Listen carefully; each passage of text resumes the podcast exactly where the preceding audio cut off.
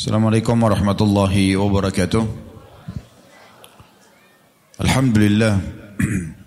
Selalu saja lisan kita memuji sang pencipta Allah atas segala nikmat yang dilimpahkan kepada kita. Dimulai dari nikmat Islam dan iman. Karena dengan nikmat Islam dan iman kita jadi punya panduan hidup. Tahu mana yang boleh, mana yang tidak boleh. Mana yang harus dikerjakan, didahulukan dan mana yang harus ditinggalkan. Pada kesempatan ini Bapak Ibu sekalian saya akan membahas sebuah tema yang sederhana sebenarnya. Tapi mudah-mudahan bisa menambah wacana kita. Dan tema ini berjudul Masih Ada Waktu. Tema ini sebenarnya saya susun dengan tujuan untuk membahas beberapa poin. Walaupun nanti kita akan kerucutkan ke satu poin dari poin-poin ini. Yang pertama poinnya adalah untuk mengingatkan dan memberikan peluang kepada siapa pun yang hadir di sini, termasuk diri saya, yang masih merasa kurang dalam pendekatan dirinya kepada Allah Subhanahu wa taala dari sisi ibadah, kurang mungkin sholat malamnya, kurang puasanya, atau mungkin kurang tepat waktu di sholat lima waktunya, Mungkin bagi laki-laki sering telat dalam Jumatnya. Mungkin kita semua masih kurang dalam membaca ayat-ayat Al-Quran. Masih teledor dalam menjaga zikir bagi petangnya. Masih juga uh, kurang berbakti dengan orang tuanya. Masih kurang silaturahim dengan kerabatnya. Masih kurang sedekahnya. Masih kurang mungkin pelaksanaan ibadah haji dan umrohnya. Menjenguk orang sakitnya. Membantu orang susah dan seterusnya. Kita masih punya peluang dan kesempatan. Yaitu selama kita masih hidup Allah masih berikan kita kesempatan selama kita mau. Selama kita mau. Permasalahannya adalah di diri kita sendiri. Seringkali kitanya menunda-nunda dan tidak mau memperbaikinya. Kalau Bapak Ibu masih diberikan kesempatan umur seperti kita sekarang, waktu, maka jangan disia-siakan. Tolha radhiyallahu anhu seorang sahabat Nabi dalam hadis yang sahih disebutkan oleh Al-Bud dalam kitab At-Targhibnya dan disahihkan oleh Syekh Albani Beliau mengatakan ada tiga orang dari salah satu suku Arab masuk Islam. Kemudian menjadi tamu di rumahnya Tolha bin Ubaidillah. Uniknya terjadi e, dalam prosesi mereka bertamu itu ada panggilan jihad. Maka orang yang pertama dari tiga orang ini ikut berperang dan mati syahid. Berjalan waktu ada panggilan jihad lagi. Orang yang kedua ikut berperang kemudian mati syahid juga.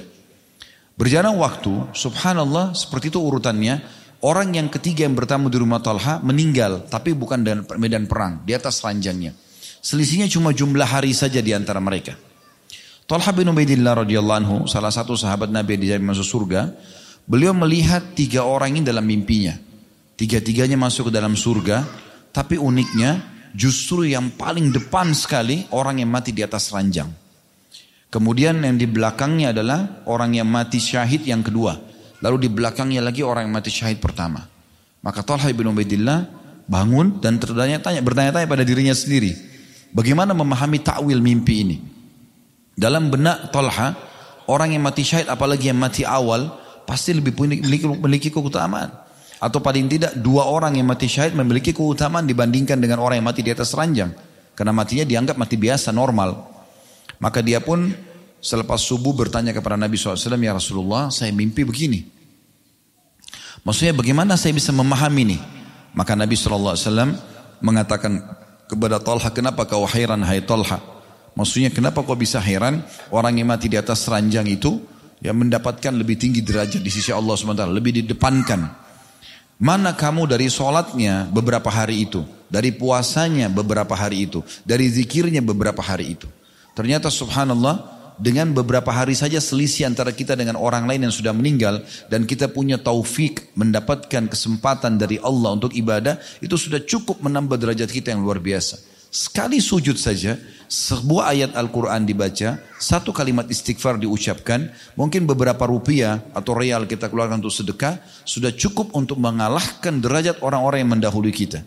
Yang penting kita ikhlas dalam beribadah. Oleh karena itu bagi teman-teman yang masih merasa saya kurang nih dalam ibadah, belum ada tidak ada kata terlambat. Judul kita masih ada kesempatan. Kita harus selalu memikirkan bagaimana ke depan mengisi waktu yang masih ada. Ada seseorang bertanya kepada Fudail bin Iyad, eh, maaf, Fudail bin Iyad bertanya pada seseorang. Kebetulan ketemu orang itu umur 60 tahun. Kemudian Fudhal bin Iyad bertanya kepada dia, berapa umurmu? Dia bilang saya 60 tahun. Maka kata Fudhal bin Iyad, kalau begitu kamu sudah 60 tahun jalan menuju ke Tuhanmu. Sebentar lagi kamu sampai. Maka orang itu ketakutan. Lalu dia mengatakan, Inna lillahi wa inna ilahi raji'un. Kami milik Allah, kami akan kembali kepada Allah. Lalu Fudhal bin Iyad berkata, kau tahu makna kalimatmu itu? Orang itu terdiam. Lalu kata Fudhal bin Iyad, artinya, Inna lillahi kita, kami ini milik Allah, artinya kita ini adalah hamba Allah.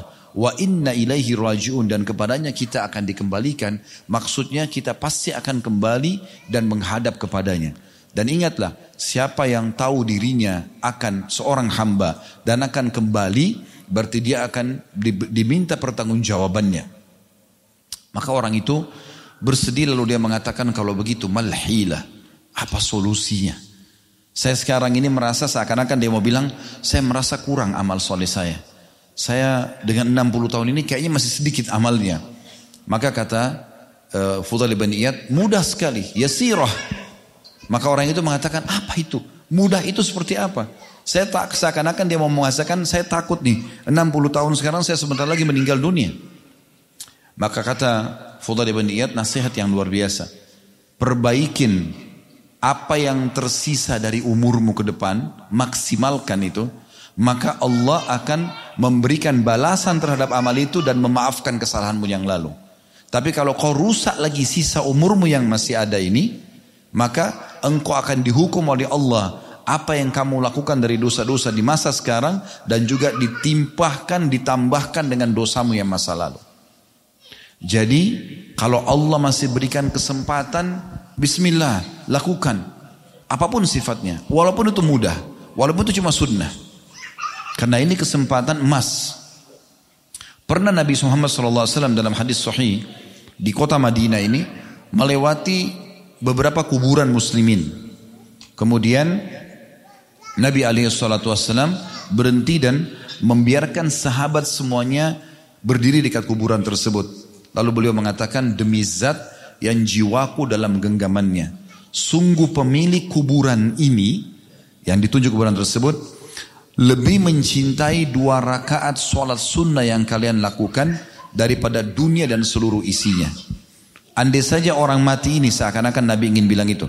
Andai saja orang mati ini dihidupkan sekarang, dihidupkan kembali, maka dia tidak akan lagi mau kembali ke makanan favoritnya, kumpul sama keluarganya, atau melakukan meeting yang miliaran, tapi dia akan justru ya, dia akan memaksimalkan ibadahnya kepada Allah Subhanahu Wa Taala. Andai saja kita sudah meninggal, lalu Allah memberikan kita kesempatan hidup setengah jam saja, misal, maka tentu kita akan memaksimalkan untuk ibadah. Lalu sekarang kenapa kita tidak maksimalkan? Mumpung masih ada kesempatan. Ini poin. Poin yang kedua, yaitu kesempatan untuk menyempurnakan apa yang kurang. Kalau tadi kan amal yang kurang di poin pertama. Sekarang menyempurnakan apa yang kurang. Teman-teman sekalian, salah satu hal yang harus kita jadikan target sebagai seorang muslim ialah bagaimana ya, kita menjadikan amal-amal yang sudah kita lakukan menjadi lebih baik dari sebelumnya. Contoh misal, teman-teman mungkin sudah rutin sholat malam. Misal, dan selama ini sholat malamnya dua rakaat salam, dua rakaat salam, dua rakaat salam, dua rakaat salam misal. Jalankan sunnah Nabi SAW lalu witir dua rakaat dan satu. Mungkin selama ini Bapak Ibu yang sholat malam ini membaca surah-surah pendek. Sehingga hanya butuh 15 menit, 20 menit sudah selesai 11 rakaat misalnya. Ya. Maka sekarang bagaimana kita pindah ke poin setelahnya. Yaitu tingkatkan kualitasnya. Dan juga kuantitasnya. Tingkatkan kualitas dan kuantitasnya. Artinya sekarang coba kita membuat di buku amal kita tercatat semua yang Nabi pernah lakukan dari tata cara sholat malam. Kita kan selama ini dua rakaat salam, dua rakaat salam, dua rakaat salam misalnya. Ada riwayat menyebutkan Nabi SAW sholat malam empat rakaat salam, empat rakaat salam. Pernah riwayat menyebutkan Nabi SAW sholat delapan rakaat baru salam. Maka harusnya ini dikerjakan supaya di buku amal kita tercatat semuanya yang pernah Nabi SAW kerjakan. Tingkatkan ke situ. Kalau kita biasa membaca surah-surah pendek yang kita ulang-ulangin terus-menerus, maka sekarang kita bisa pindah ke surah yang lebih panjang.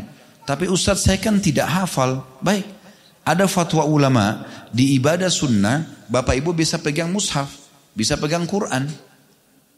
Bisa pegang mungkin di handphone kita aplikasi Al-Quran. Lagi sholat malam. Daripada kita terulang-ulang di juz 30, kita mulai baca dari surah Al-Baqarah, setiap malamnya kita baca, membaca beberapa ayat, dan yang paling baik adalah kita tentu minim, dalam hadis itu minimal 10 ayat, kemudian ada 100 ayat, ada 1000 ayat. Yang paling maksimal 1000 ayat disebutkan pahalanya akan sangat melimpah. Maka kita bisa pindah ke tahapan ini. Bagaimana mulai sekarang kita programkan Bapak Ibu sekalian supaya ibadah kita yang tadinya standar itu naik levelnya. Jangan begitu terus. Ya. Kalau kita biasa puasa Senin Kamis saja sekarang kita tambah dengan ayamul bid misalnya.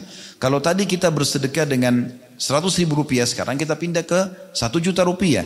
Kita pindah ke 100 juta rupiah. Kita pindah ke level yang kita belum pernah menyentuh sisi itunya. Karena memang amal-amal ini semuanya akan kita butuhkan. ya. Dan kita harus tahu Bapak Ibu sekalian amal-amal yang kita kerjakan yang butuh terhadap amal tersebut adalah kita sendiri. Allah subhanahu wa ta'ala tidak pernah butuh dengan amal kita. Kenapa ada orang kalau sholat buru-buru? Dia berpikir soalnya kalau Allah butuh dengan amal itu seperti cuma store kewajiban. Ini keliru sekali. Persepsi ini harus diperbaikin. Yang butuh terhadap sholat tersebut, sedekah tersebut, baca Quran tersebut, zikir tersebut, apa saja, itu adalah kita. Oleh karena itu sebagian salafus saleh di saat mereka sedang bersedekah, ya, mereka kumpulin harta mereka, mereka bersedekah, setelah habis, mereka senyum dengan sangat lebar. Lalu berkata kepada orang-orang di sekitarnya, lihatlah orang-orang ini, ditunjuk orang-orang miskin yang sudah menerima sedekahnya. Lihatlah orang-orang ini membawa amal-amalku ketimbangan amalku tanpa upah sedikit pun. Persepsi sebagian orang yang masih terpengaruh dengan kapitalis, kalau dia keluarkan berarti berkurang, kan gitu. Orang mukmin tidak seperti itu. Kalau dia memberikan berarti dia beruntung. Kenapa? Dia keluarkan 100 ribu rupiah sedekah, dia berikan satu potong baju, dia berikan sepiring makanan, itu sedang dibawa ketimbangan amal. Dan uniknya dalam sebuah hadis yang sahih diriwayatkan juga oleh Al-Mundri dalam kitab Targhib Tarhib beliau, kata Nabi sallallahu alaihi wasallam sesungguhnya kalau seseorang di antara kalian bersedekah, maka Allah akan mengurusnya, menumbuh mengembang biakannya sampai menjadi seperti gunung Uhud. Walaupun sepotong roti sebutir kurma dibagi dua, itu bukan seperti itu kita akan terima di timbangan Allah hari kiamat nanti. Kita akan terima seperti gunung Uhud. Di Madinah anda bisa lihat gunung Uhud. Seperti itu besarnya. Dan kata Nabi SAW, seperti seseorang di antara kalian mengurus dan membesarkan anak kuda atau anak untanya. Allah subhanahu wa ta'ala tidak akan memberikan balasan kita, satu dibalas satu. Itu tidak ada dalam hitungan Allah subhanahu wa ta'ala. Allah mengatakan, Inna Allah yarzuku mayasya, begari hisab. Allah kalau sudah membalas orang tanpa lagi ada hitungannya. Maka mulai sekarang masih ada kesempatan mumpung belum datang ajal tingkatkan level itu. Baca keutamaannya. Dari kalau amal yang biasa standar menjadi yang lebih afdal. Kalau teman-teman biasa dengar ada sebagian ustaz kita mengatakan afdalnya begini. Nah cari afdal itu. Bagaimana kita mencari yang afdal. Sholat duha biasa dua rakaat sekarang tingkatkan empat rakaat. Empat rakaat sekarang pindah ke delapan rakaat. Cari yang paling tinggi. Selalu begitu. Maka ini nanti akan membuat kita selalu sibukkan diri kita dengan amal soleh. Kalau orang menyibukkan diri dengan amal soleh teman-teman, maka sudah cukup dia menjalankan perintah Allah subhanahu wa ta'ala yang merupakan target utama dia diciptakan.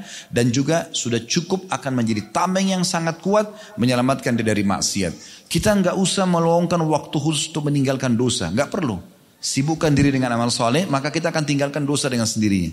Dosa nggak perlu kita pikirkan secara bagaimana saya tinggalkan ini. Enggak.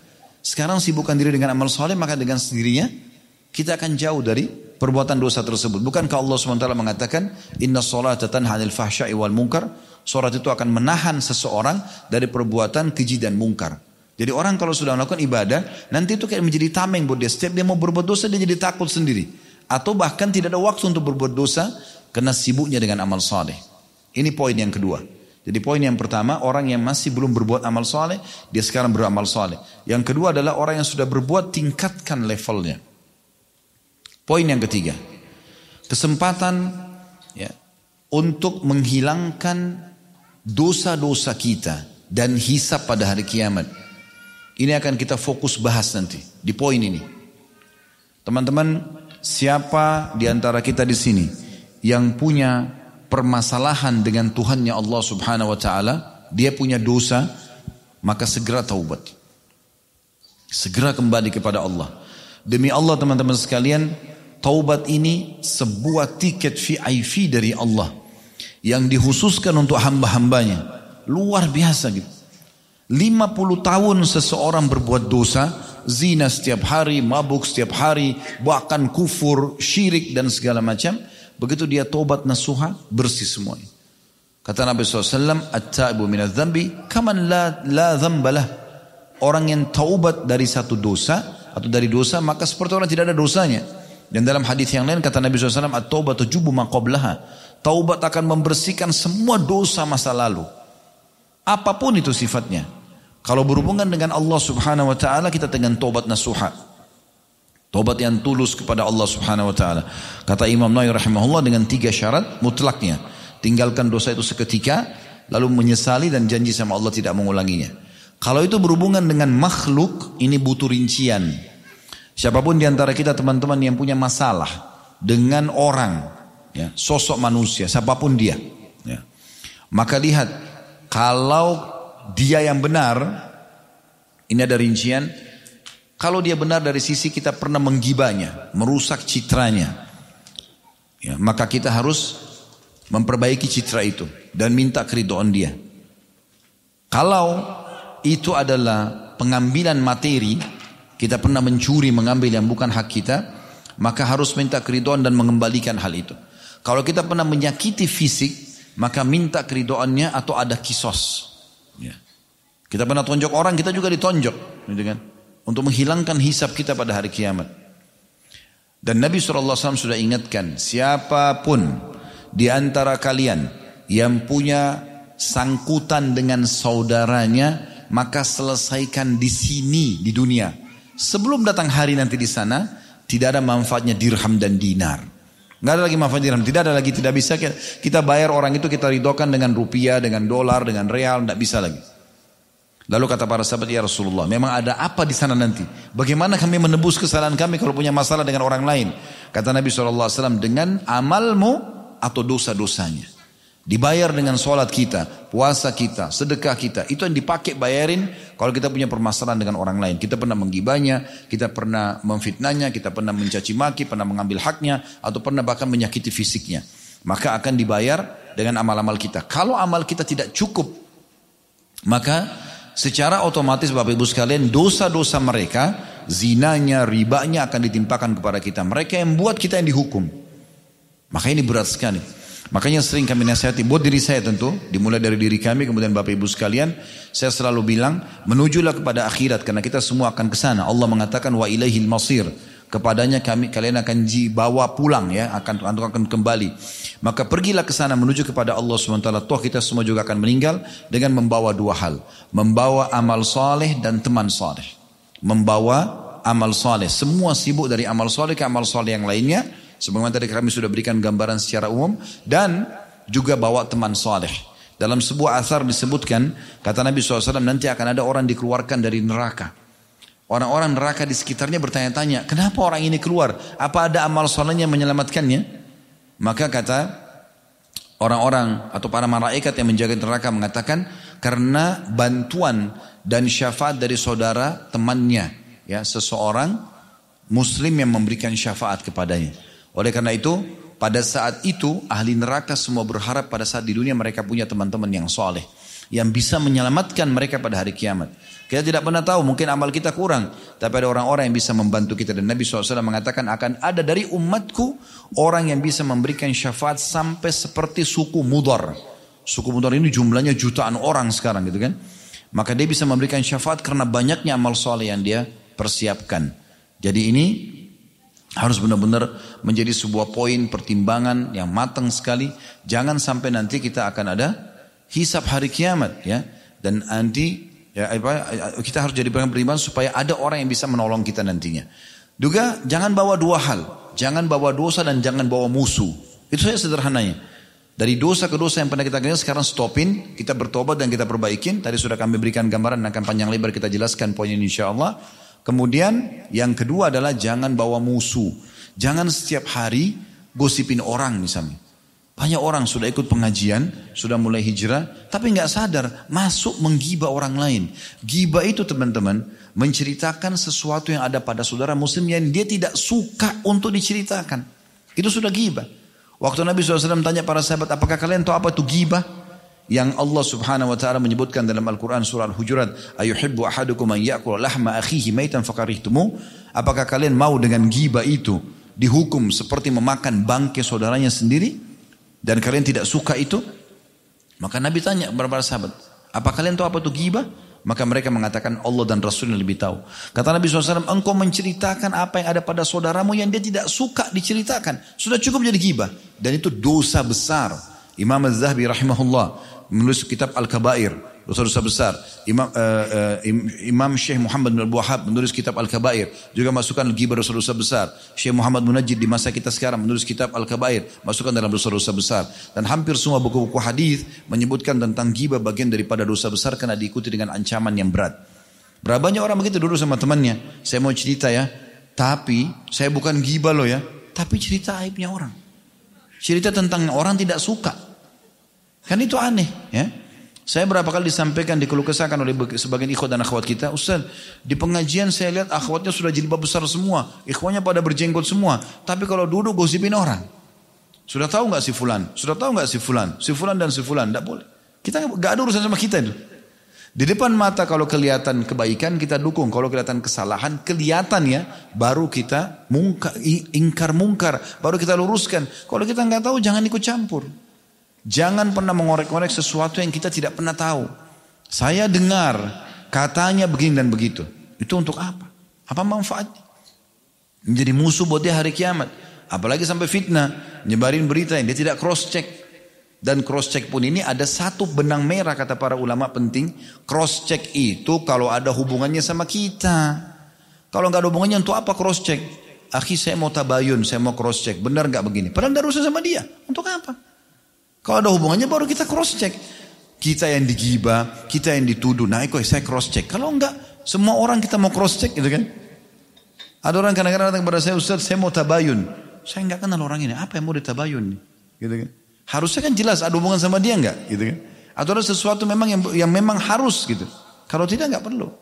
Nah itu poin yang harus kita perhatikan baik-baik. Jadi jangan sampai ada musuh-musuh hari kiamat yang kita tidak harapkan sebenarnya tapi akhirnya dia menghabiskan pahala kita. Ingat Allah sudah kekalkan dalam firman-Nya, "Yauma yafiru mar'u min akhi wa ummihi wa abi wa ummihi wa abi wa sahibatihi wa bani likulli imri'in yauma idzin sya'nu yughni."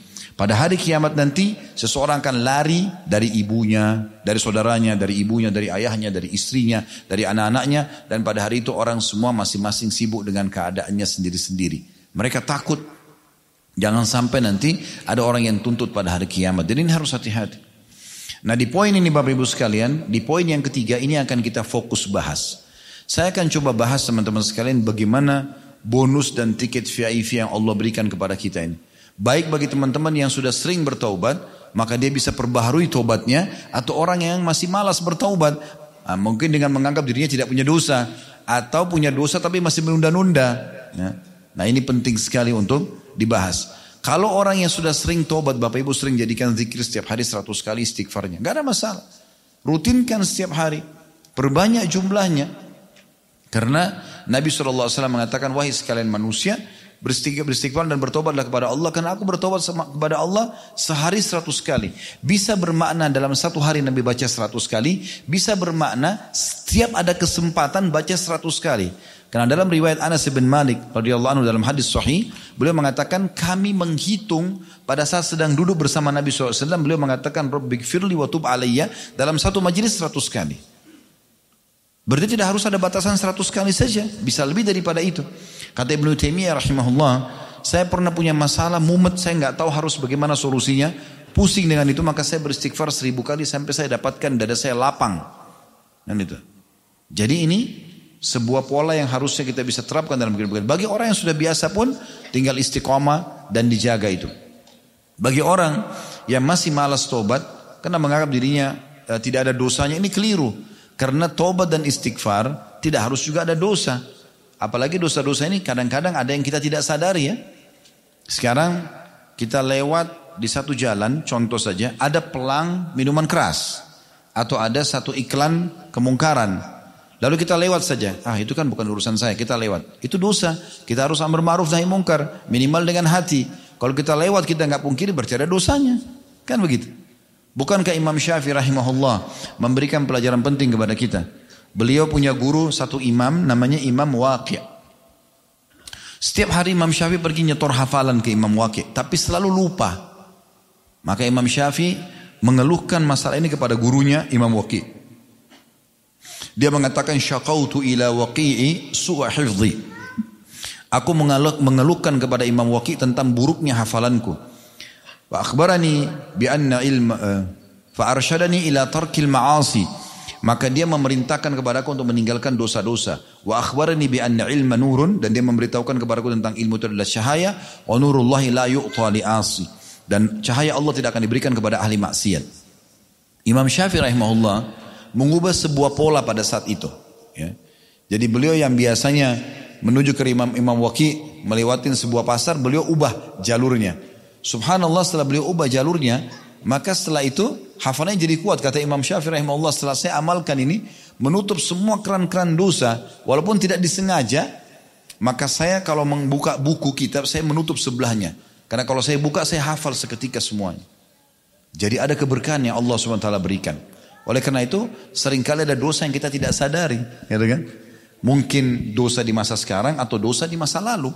Dari mana kita dapat jaminan semua dosa kita sudah terbersihkan di masa lalu. Mungkin masih ada sangkutan dengan orang. Gitu kan? Juga sama bagi orang yang berdosa dan masih menunda-nunda taubat. Apa yang anda tunda kira-kira? Apa yang membuat anda pelaku dosa menunda taubatnya? Menunggu malaikat maut datang tiba-tiba kelihatan baru kemudian mau tobat. Yang Allah ceritakan di akhir surah al eh, di ayat 10-nya surah Al-Munafikun. Pada saat datang kematian baru dia mengatakan, Ya Allah, tundalah kematianku beberapa saat agar aku sempat bersedekah dan aku termasuk orang-orang soleh. Atau anda mau menjadi seperti orang-orang yang disebutkan dalam surah Al-Mu'minun surah nomor 23 dari ayat 99 ya disebutkan bagaimana penyesalan orang-orang pada saat meninggal, lihat kematian, mereka berharap ditunda kematiannya sesaat agar mereka bisa taubat kepada Allah Subhanahu wa taala. Tapi sudah tidak ada lagi kesempatan pada saat itu. Enggak ada lagi peluang untuk itu. Nah, mumpung Allah masih kasih kesempatan, maka perbanyak kalimat ini. Saya juga ingin ditiberatkan poin di sini Bapak Ibu sekalian. Kalau Anda mau hijrah dan menjadi orang baik, orang soleh dan orang soleha, jangan setengah-setengah. Maksimal sekalian hijrah. Karena banyak orang-orang kita, teman-teman kita hijrah, tapi setengah-setengah. Dia sudah mulai ubah performanya, udah mulai dia ubah tontonannya mungkin, tapi pendapatannya masih haram. Masih ragu kepada Allah Subhanahu wa taala. Kenapa ragu? Kenapa enggak sekaligus hijrah? Berubah menjadi orang baik. Allah Subhanahu wa taala menjanjikan orang beriman dan beramal saleh juga bertaubat dengan kehidupan yang baik. Hayatan thayyibah, Kehidupan yang penuh dengan kesempurnaan. Itu dijanji tidak mungkin salah. Bagaimana Nabi Muhammad SAW, bagaimana para sahabat Ridwanullah alaihim, mereka bertakwa kepada Allah SWT, Allah jadikan mereka raja-raja dunia. Ya, Abu Bakar, Umar, Uthman, Ali. Siapa yang kenal mereka Ridwanullah alaihim pada saat di fase Mekah? Enggak ada. Tapi setelah Islam, mereka menjadi orang baik dan maksimal, maka Allah muliakan. Itu juga dengan sahabat-sahabat Nabi yang lain. Siapa yang mengenal Bilal yang tadinya budak di Mekah? Tapi karena Islam dimuliakan menjadi muazzin kaum muslimin, ya kan? Menjadi sahabat yang mulia dan begitu juga dengan yang lainnya. Maka ini poin yang perlu kita garis bawahi. Baik, dalam masalah ini teman-teman saya ingin kita kembali membaca kalau teman-teman bisa buka di aplikasi Al-Qur'an di handphonenya. Ini ayat yang paling luar biasa dalam masalah ajakan Allah untuk kita taubat. Surah Az-Zumar, surah nomor 39 ayat 53 sampai 59. Saya ulangi surah Az-Zumar surah nomor 39 ayat 53 sampai 59. Saya bacakan A'udzu billahi minasyaitonir rajim. Qul ya ibadiyalladzina asrafu ala anfusihim la taqnatu min rahmatillah.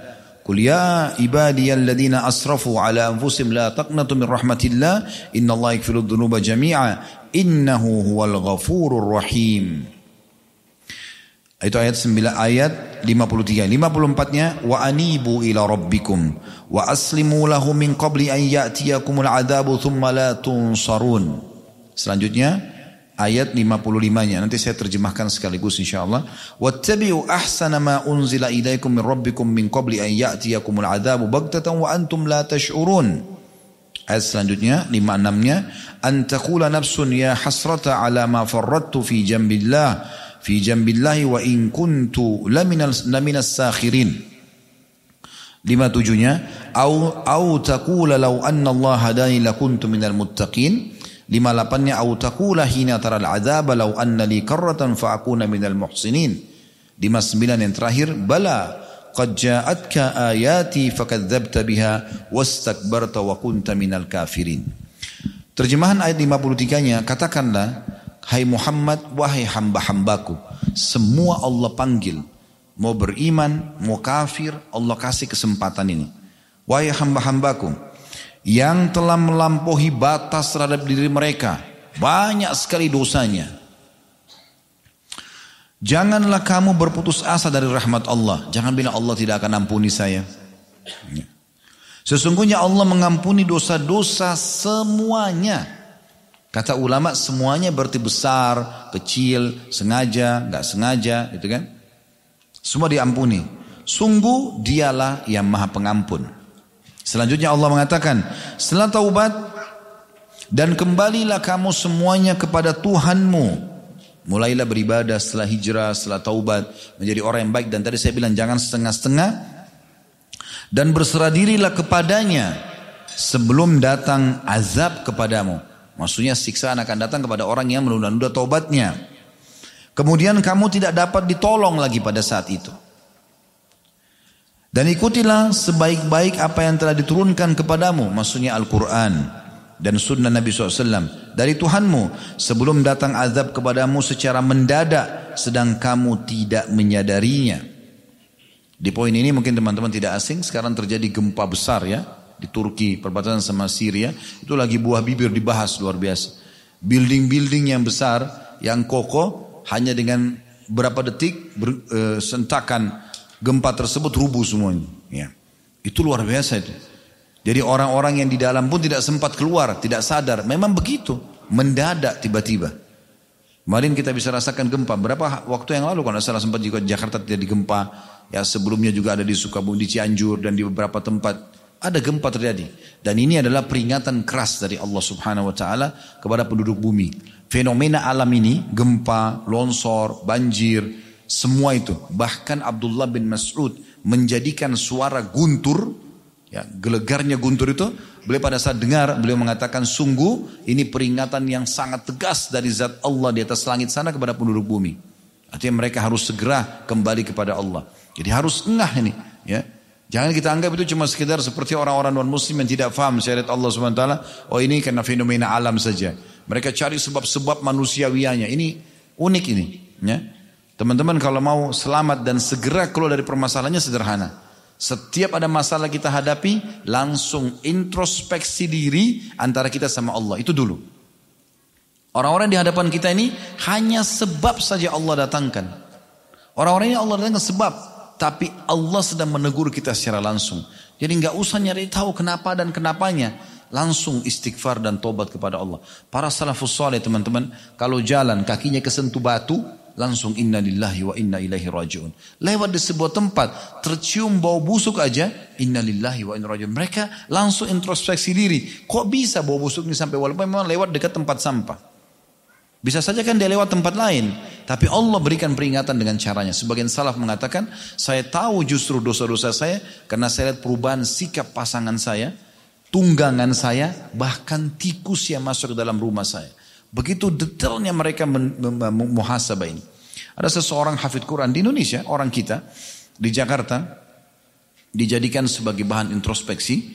Dia subhanallah pada saat uh, muraja Al-Quran di malam hari, lupa semuanya beberapa ayat lupa, diulangi lupa. Kok bisa? Biasanya enggak gitu.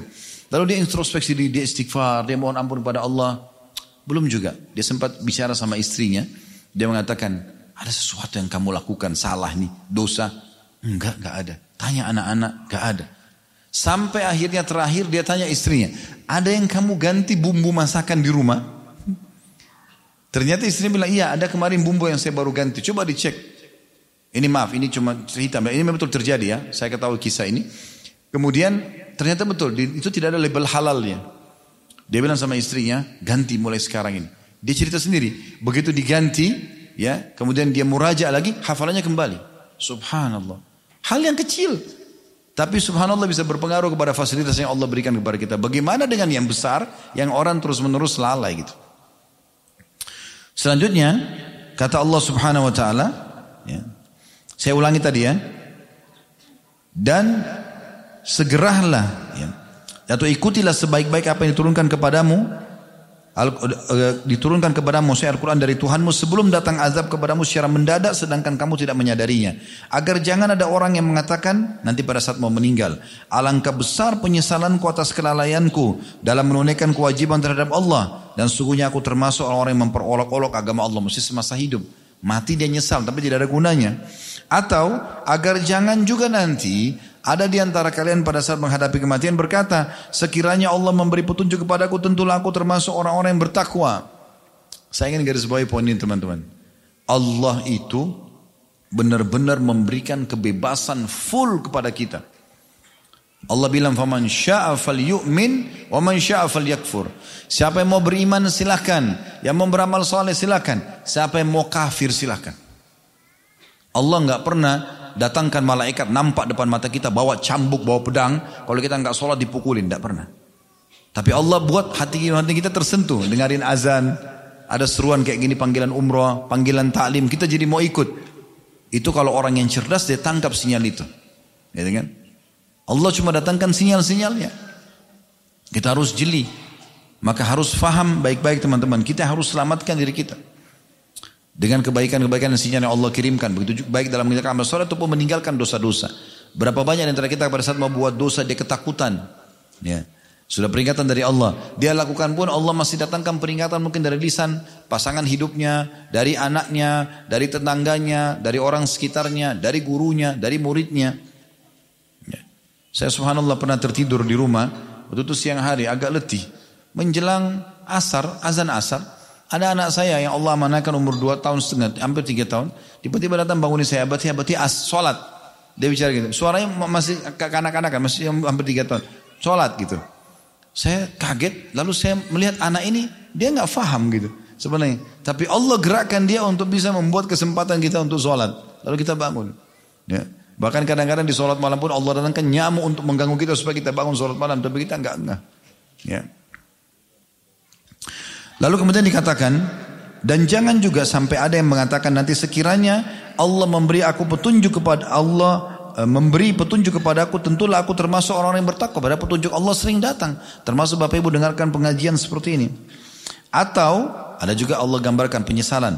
Agar jangan ada yang berkata ketika melihat siksa nanti sekiranya aku dapat kembali ke dunia tentu akan aku akan termasuk orang-orang yang berbuat kebaikan Lalu Allah menutup ayatnya sambil mengatakan, sungguh sebenarnya keterangan-keteranganku telah datang kepada kamu semua.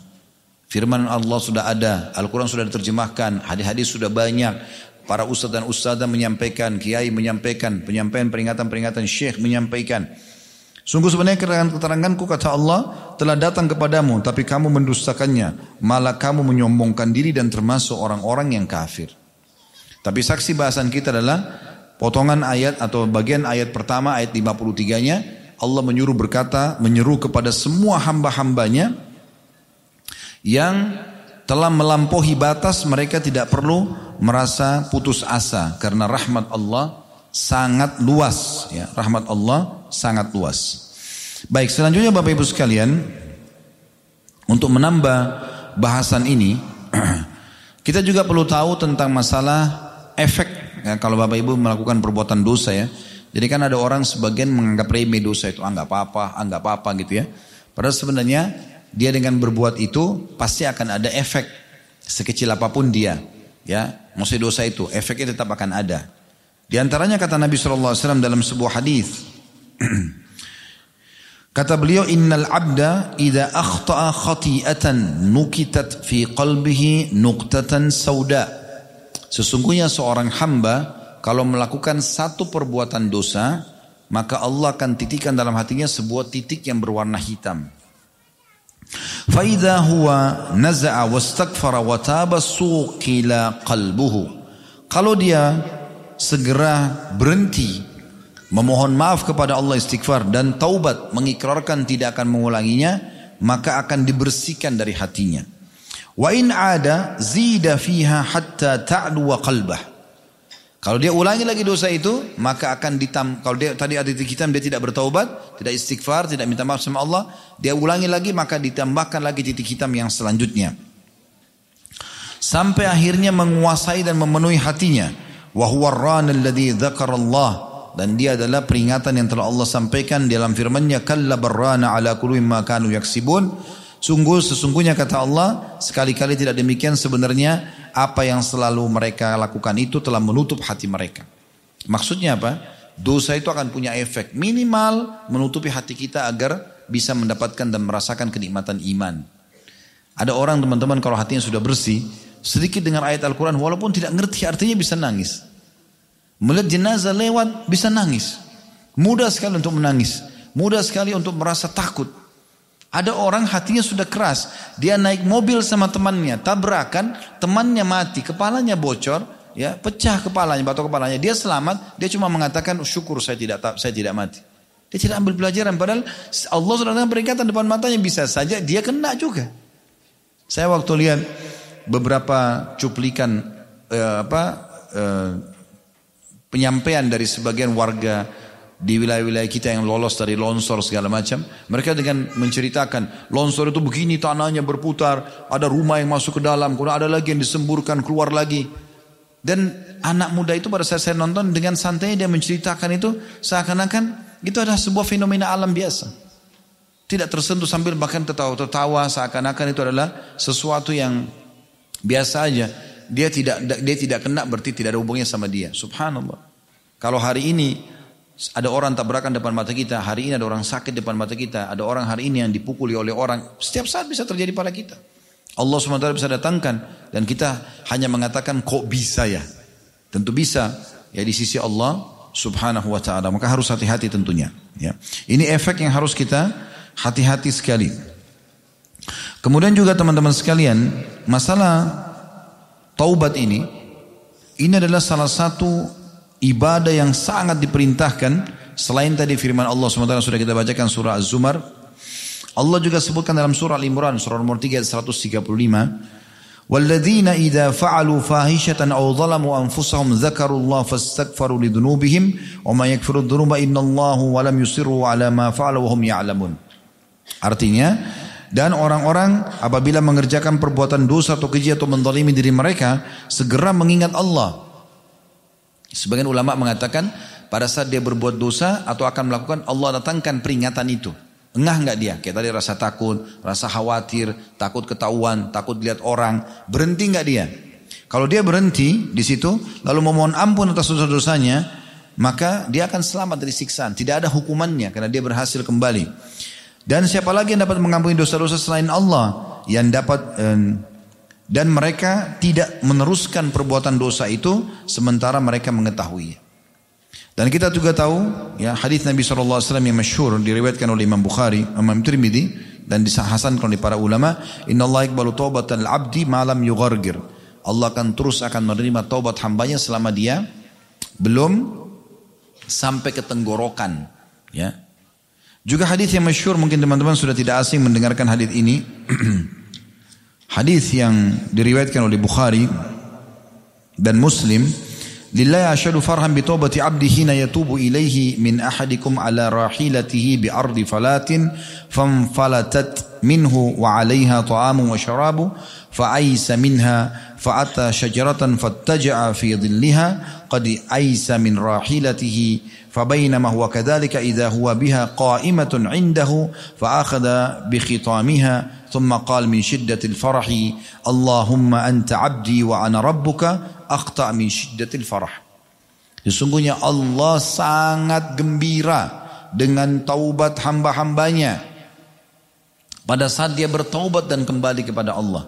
Allah sangat gembira dengan itu. Lebih gembira lagi daripada seseorang dari kalian membawa seluruh bekalnya di atas tunggangannya. Dia berada di sebuah tanah yang tak bertuan atau tandus. Kemudian dia pergi ke bawah sebuah pohon dan dia beristirahat. Di atas tunggangan itu ada seluruh makanan dan bekal-bekal, minuman dan makanannya. Pada saat dia bangun hilang. Kemudian dia mencari kembali. Ternyata dia tidak menemukan. Pada saat dia sudah putus asa, dia mengatakan pada dirinya sendiri, saya coba kembali ke pohon yang tadi saya tidur, saya coba tidur mudah-mudahan saya meninggal, saya tidak bangun lagi. Pada saat dia terbangun di tidur yang keduanya, dia temukan untanya dan seluruh bekalnya ada di hadapan dia, maka bagaimana gembiranya dia, Allah lebih gembira daripada hamba tersebut. Dan kata Nabi SAW, saking gembiranya hamba itu, dia mengatakan, salah dia ucapkan, Ya Allah sungguhnya kau adalah hambaku dan aku adalah Tuhanmu. Baik teman-teman sekalian, kita akan tutup dengan beberapa kisah. Ya. Yang kisah ini, teman-teman sekalian, kita berharap ya bisa menambahkan keimanan kita tentunya. Saya akan sampaikan kisah tentang Sa'labah bin Abdurrahman radhiyallahu anhu, seorang sahabat Nabi. Dan ada buku yang ini judulnya bergegas taubat yang Allah amanahkan kami susun ini di sini sudah saya sebutkan kisahnya. Salah bin Abdurrahman ini teman-teman seorang sahabat yang baik ibadahnya. Kemudian satu waktu dia melewati rumah seorang sahabat Ansar yang kebetulan istrinya lagi mandi dan dia melihatnya. Melihat ke arah wanita yang sedang mandi itu. Dia melihat beberapa kali, setelah itu tiba-tiba hatinya merasa ketakutan kepada Allah dan saking takutnya dia, ini adalah dosa, gitu kan?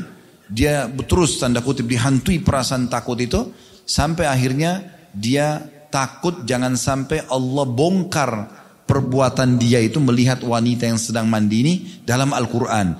Karena di masa itu ayat Al-Quran kan lagi turun. ya Sampai ayat, kan Bapak Ibu tahu surah Al-Mujadilah tentang perbicaraan antara suami istri Allah buka dalam Al-Quran gitu kan. Terus e, perasaan apa Nabi Shallallahu Alaihi Wasallam pada saat Allah perintahkan untuk nikah dengan mantan istri anak angkatnya Zaid yang bernama Zainab, Allah angkat sebagai sebuah contoh di tengah-tengah masyarakat agar tidak ada larangan untuk menikahi mantan pasangan anak angkat. Kalau anak mantu kan tidak boleh jadi mahram abadi walaupun sudah bercerai sama anak e, sama pasangannya. Tetap tidak ada namanya mantan bertua dan mantan anak mantu. Tapi ini Allah angkat. Maka Sa'labah ini ketakutan pada saat itu radhiyallahu.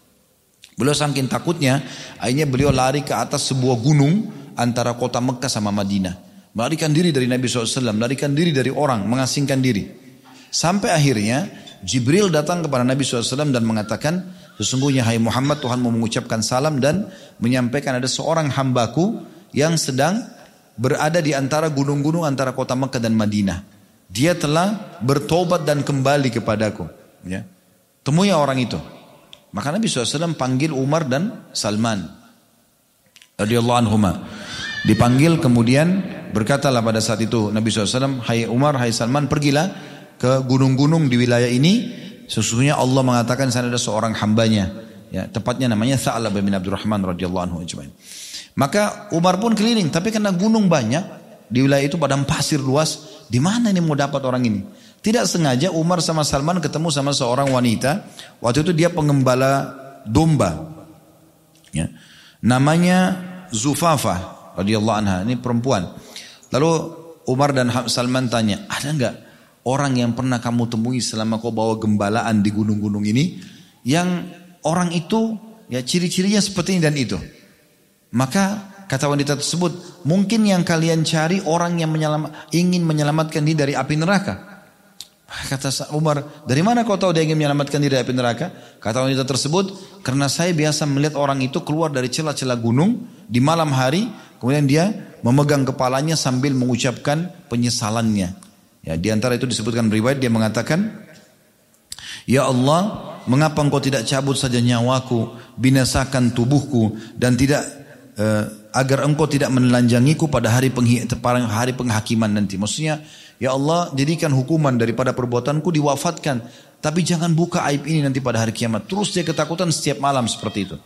Maka kata Umar, orang itu yang kita cari.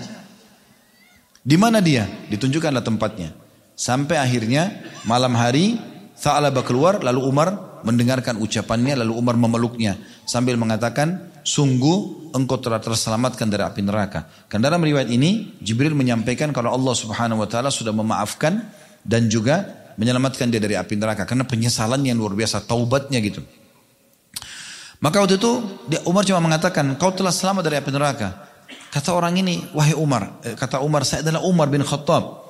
Lalu orang ini mengatakan, wahai Umar, Jangan bawa aku ke Rasulullah sallallahu alaihi wasallam kecuali kalau memang beliau sedang sholat dan Bilal sudah mengucapkan qad qamatus salat. Dia mengatakan baiklah, Umar bilang baik. Lalu dibawalah pada saat itu ke masjid Nabi SAW pas waktu sholat maghrib. Setelah ya e, Bilal mengatakan qad qamatus salat, Umar masuk dalam saf bersama Salman dan akhirnya Sa'labah pun masuk. Begitu mendengarkan bacaan ayat Al-Quran Nabi SAW, Sa'labah pingsan. Gitu kan.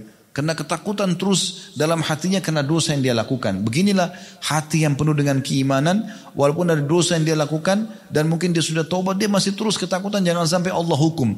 Dia terbawa dengan perasaan itu. Sehingga akhirnya keseharian dan detik-detik hidupnya terisi dengan amal soleh. Maka dia pun akhirnya pingsan pada saat itu.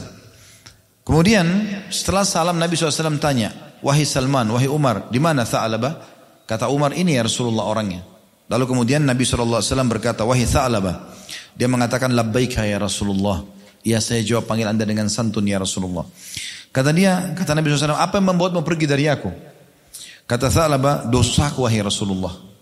Kata Nabi SAW, maukah aku beritahukan kepadamu tentang ayat yang dapat menggugurkan dosa-dosa? Sekaligus jadi doa. Dia mengatakan, iya. Kata Nabi SAW, baca Rabbana atina fid dunya hasana wa fil akhirati hasana wa qina adzaban nar wa adkhilna al jannata ma'al abrar ya azizu wa ghafir rabbil alamin. Doa yang kita masyhur yang kita baca nanti pada saat tawaf insyaallah. Dan itu sebabnya kenapa dia dibaca tujuh kali setiap tawaf gitu kan, melewati rukun Yamani sampai Hajar Aswad. Maka mintalah kepada Allah itu, baca itu. Maka Tha'labah pun mengatakan dosaku lebih besar wahai Rasulullah. Saya udah ucapin itu tapi saya masih merasa takut dengan dosa saya. Jangan sampai Allah hukum. Kata Nabi SAW kalam Allah lebih besar. Lalu Rasulullah SAW menyuruhnya kembali pulang ke rumahnya saja. Dan pada saat itu dia pulang ke rumah dia sakit. Dalam riwayatnya dikatakan selama 8 hari. Kemudian Rasulullah SAW berkata atau Salman kemudian datang kepada Rasulullah, SAW mengatakan wahai Rasulullah apakah anda berkenan menjenguk Sa'labah Kata Nabi SAW, baik, mari kita bersama-sama pergi. Kemudian Rasulullah SAW bertemu dengan Sa'labah. Beliau kemudian meletakkan kepala Sa'labah di pangkuan beliau. Sallallahu Alaihi Wasallam. Nah waktu itu Sa'labah mengalihkan, memalingkan pandang atau kepalanya. Tidak mau bertumpuk di paha Nabi SAW. Kata Nabi SAW, apa yang membuatmu mengalihkan kepalamu dari pangkuanku? Dia mengatakan, ya Rasulullah, kepalaku penuh dengan dosa. Nabi SAW bertanya, apa yang kamu rasakan sekarang? Dia bilang, aku merasakan seperti rayapan semut di antara kulit dan tulang-tulangku karena dosa ini. Kata Nabi SAW, apa yang kau harapkan? Dia bilang, pengampunan Tuhanku. Maka pada saat itu Jibril turun kepada Nabi SAW dan berkata, sungguh Robmu menyampaikan salam kepada Muhammad dan berkata, andai kata hambaku ini, maksudnya Tha'labah, ya bertemu denganku, dia meninggal setelah ini dengan kesalahan sepenuh bumi, ya, maka aku akan menyambutnya dengan ampunanku sepenuh bumi. Maka Rasulullah SAW berkata kepada Sa'labah, apakah kamu tahu ya, apa yang telah diberitahukan oleh Allah tentang kamu? Dia bilang, tidak ya Rasulullah. Apa kau mau dengar? Mau tahu? Dia bilang, iya ya Rasulullah. Kata Nabi SAW, sesungguhnya Allah telah mengucapkan ini. Secara langsung Allah firmankan untuk Sa'labah. Gitu kan? Ini luar biasa kedudukannya. Maka waktu dia mendengarkan Allah mengatakan andai saja hambaku ini karena tobatnya nasuha benar-benar berhari-hari dia betul menyesali terus ya kalau ini oh hambaku datang dengan sepenuh bumi dosanya saya akan maafkan semuanya. Maka Sa'labah pada saat itu menjerit kemudian beliau wafat radhiyallahu anhu dalam kondisi hal tersebut ya. Lalu Rasulullah SAW menyuruh untuk mengkafani dan disolati jenazahnya. Nah waktu diantar jenazahnya Sa'labah radhiyallahu anhu pada saat itu Nabi SAW jalan sambil jinjit. Ya, sambil jinjit. Ada sahabat yang bertanya, Ya Rasulullah, mengapa saya melihat anda jalan sambil jinjit? Maka kata Nabi SAW, Demi zat yang mengutusku dengan kebenaran, aku tidak bisa meletakkan kakiku di atas bumi karena banyaknya sayap malaikat yang turun mengantar jenazahnya Sa'labah. Ini karena taubat nasuhanya. Taubat itu indah teman-teman, bukan sesuatu yang menakutkan. Enak kembali kepada Allah SWT. Tenang orang kalau dalam keadaan iman dan amal soleh. Sebaliknya, orang yang berbuat dosa itu tidak tenang. Walaupun dia pergi ke diskotik yang paling bagus, dia minum-minum kham, minuman khamar yang paling mahal, tetap nggak ada ketenangan. Tapi orang tinggal di sebuah gubuk yang biasa, tapi kalau dia orang bersoleh, azan ke masjid tenang, dia merasa tentram. Gimana akan membawa ketentraman? Begitu juga dengan taubat tentunya. Ada kisah yang sudah masyhur juga disebutkan dalam hadis Bukhari cukup panjang sebenarnya. Kisah tentang Ka'ab bin Malik dan kedua temannya. Ya. Ini mungkin karena panjang saya bacakan, kita dengarkan saja. Tapi subhanallah saya pribadi, saya tidak tahu Bapak Ibu nantinya. Saya pribadi setiap kali baca kisah ini pasti saya terenyuh gitu. Ya, walaupun sudah berulang-ulang didengar. Karena bagaimana Orang yang tulus bertobat kepada Allah subhanahu wa ta'ala Allah terima Dan sampai turun ayat Al-Quran Yang menyebutkan tentang taubatnya Dan ini tentunya teman-teman sekalian Allah jadikan contoh bahwasanya semua orang yang tobat nasuha akan sama kasusnya sebenarnya Walaupun ini sebagian sahabat yang disebutkan Kabi bin Malik ini radhiyallahu anhu salah satu dari sahabat yang tidak mengikuti perang Tabuk ya. Ini peperangan terakhir Nabi SAW sebelum beliau wafat ya. Jadi setelah pembebasan kota Mekah, setelah mengalahkan suku Hawazim di Hunain, kemudian beliau pulang ke Madinah, kemudian mulailah ada haji pertama. Lalu setelah itu Nabi SAW membentuk pasukan perang wilayah Tabuk menyerang wilayah Romawi pada saat itu ya. Nah beliau mewajibkan semua sahabat laki-laki harus ikut. Nah rupanya ada beberapa sahabat yang tidak hadir. Di antaranya Kaab. Ceritanya begini. Dalam riwayat Bukhari, saya bacakan saja. Dia mengatakan, aku tidak pernah tertinggal dari Rasulullah SAW dalam peperangan apa pun yang dipimpin oleh beliau. Kecuali dalam perang tabuk, memang aku tertinggal dalam Memang aku tertinggal dalam perang Badar, namun tidak ada seorang pun yang tertinggal waktu itu yang dicelah. Jazakallah. Jadi maksudnya Kaab menceritakan saya tidak hadir di Badar. Kenapa? Karena Badar waktu itu Nabi tidak wajibkan. Tapi aku Ketinggalan Badar bukan tidak dicela, cuma aku ketinggalan Tabuk. Dia ceritakan tentang Tabuknya. Sebab Rasulullah SAW dan kaum muslimin keluar untuk menghadang kafilah dagang Quraisy di perang Badar yang pulang dari Syam. Kemudian Allah Subhanahu wa taala mempertemukan mereka dengan musuh mereka tanpa rencana. Dan sebelumnya aku telah hadir bersama Rasulullah SAW pada malam Aqabah. Sewaktu kami bersumpah setia membela Islam, aku tidak ingin kehadiranku di malam itu digantikan dengan perang Badar.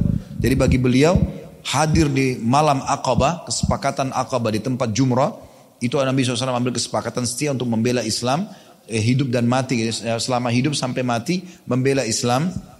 Beliau hadir pada saat itu. Aku tidak ingin kehadiranku di malam Aqabah itu digantikan dengan perang Badar. Meskipun perang Badar lebih dikenang di tengah orang-orang daripada bayat Aqabah. Dan di antara kisah hidupku adalah ketika aku tertinggal dari Rasulullah SAW pada perang Tabuk, aku tidak pernah merasa lebih kuat dan lebih mampu daripada keadaanku ketika aku tertinggal dari beliau dalam perang tersebut. Maksudnya sehat fisik, pikiranku lagi lagi lagi jernih, ya Kondisiku oke memungkinkan. Beliau mengatakan aku tidak pernah merasa lebih kuat dan lebih mampu daripada keadaanku ketika aku tertinggal dari beliau dalam perang itu. Demi Allah, aku sesung aku sebelumnya tidak pernah memiliki dua kendaraan. Namun di perang itu aku memilikinya. Artinya hartanya lebih melimpah dari sebelumnya. Rasulullah SAW tidak pernah menginginkan peperangan. Melainkan beliau menyembunyikan daerah sasarannya dengan mengisyaratkan seolah beliau menginginkan menuju menuju tempat lain.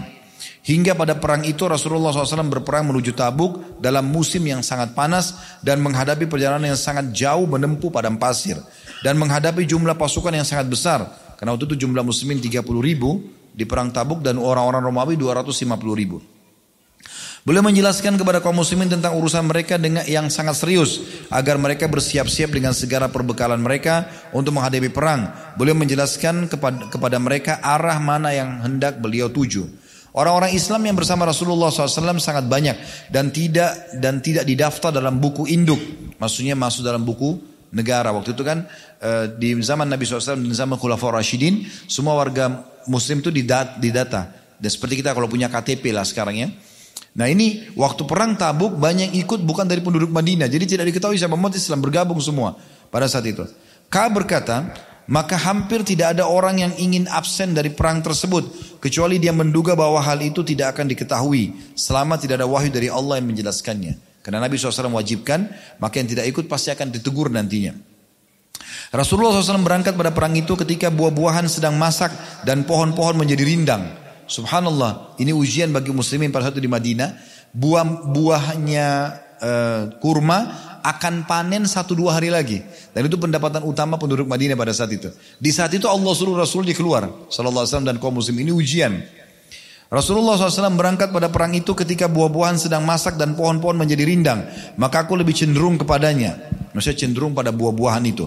Rasulullah SAW dan kaum muslimin yang bersamanya sedang berkemas-kemas. Dan aku pun segera pulang untuk bersiap-siap bersama beliau. Tapi setelah aku pulang, aku tidak melakukan apa-apa. Aku berkata dalam hati, aku bisa melakukan kapan saja kalau aku mau menyusul mereka. Begitulah ke, ke, keenggangan terus menyergapku hingga orang-orang terus ber, berbenah dengan serius. Maka pada pagi harinya Rasulullah SAW dan kaum muslimin yang bersamanya berangkat untuk perang. Sementara aku belum melakukan persiapan apa-apa. Kemudian aku beranjak Lalu kembali lagi tanpa melakukan apa-apa. Hal itu berlangsung terus padaku hingga mereka berangkat dengan segera dan aku tertinggal perang. Aku bertekad untuk berangkat menyusul mereka. Dan ande saja, dalam kurung di sini beliau mengatakan, ande saja aku melakukan pada satu penyesalan maksudnya.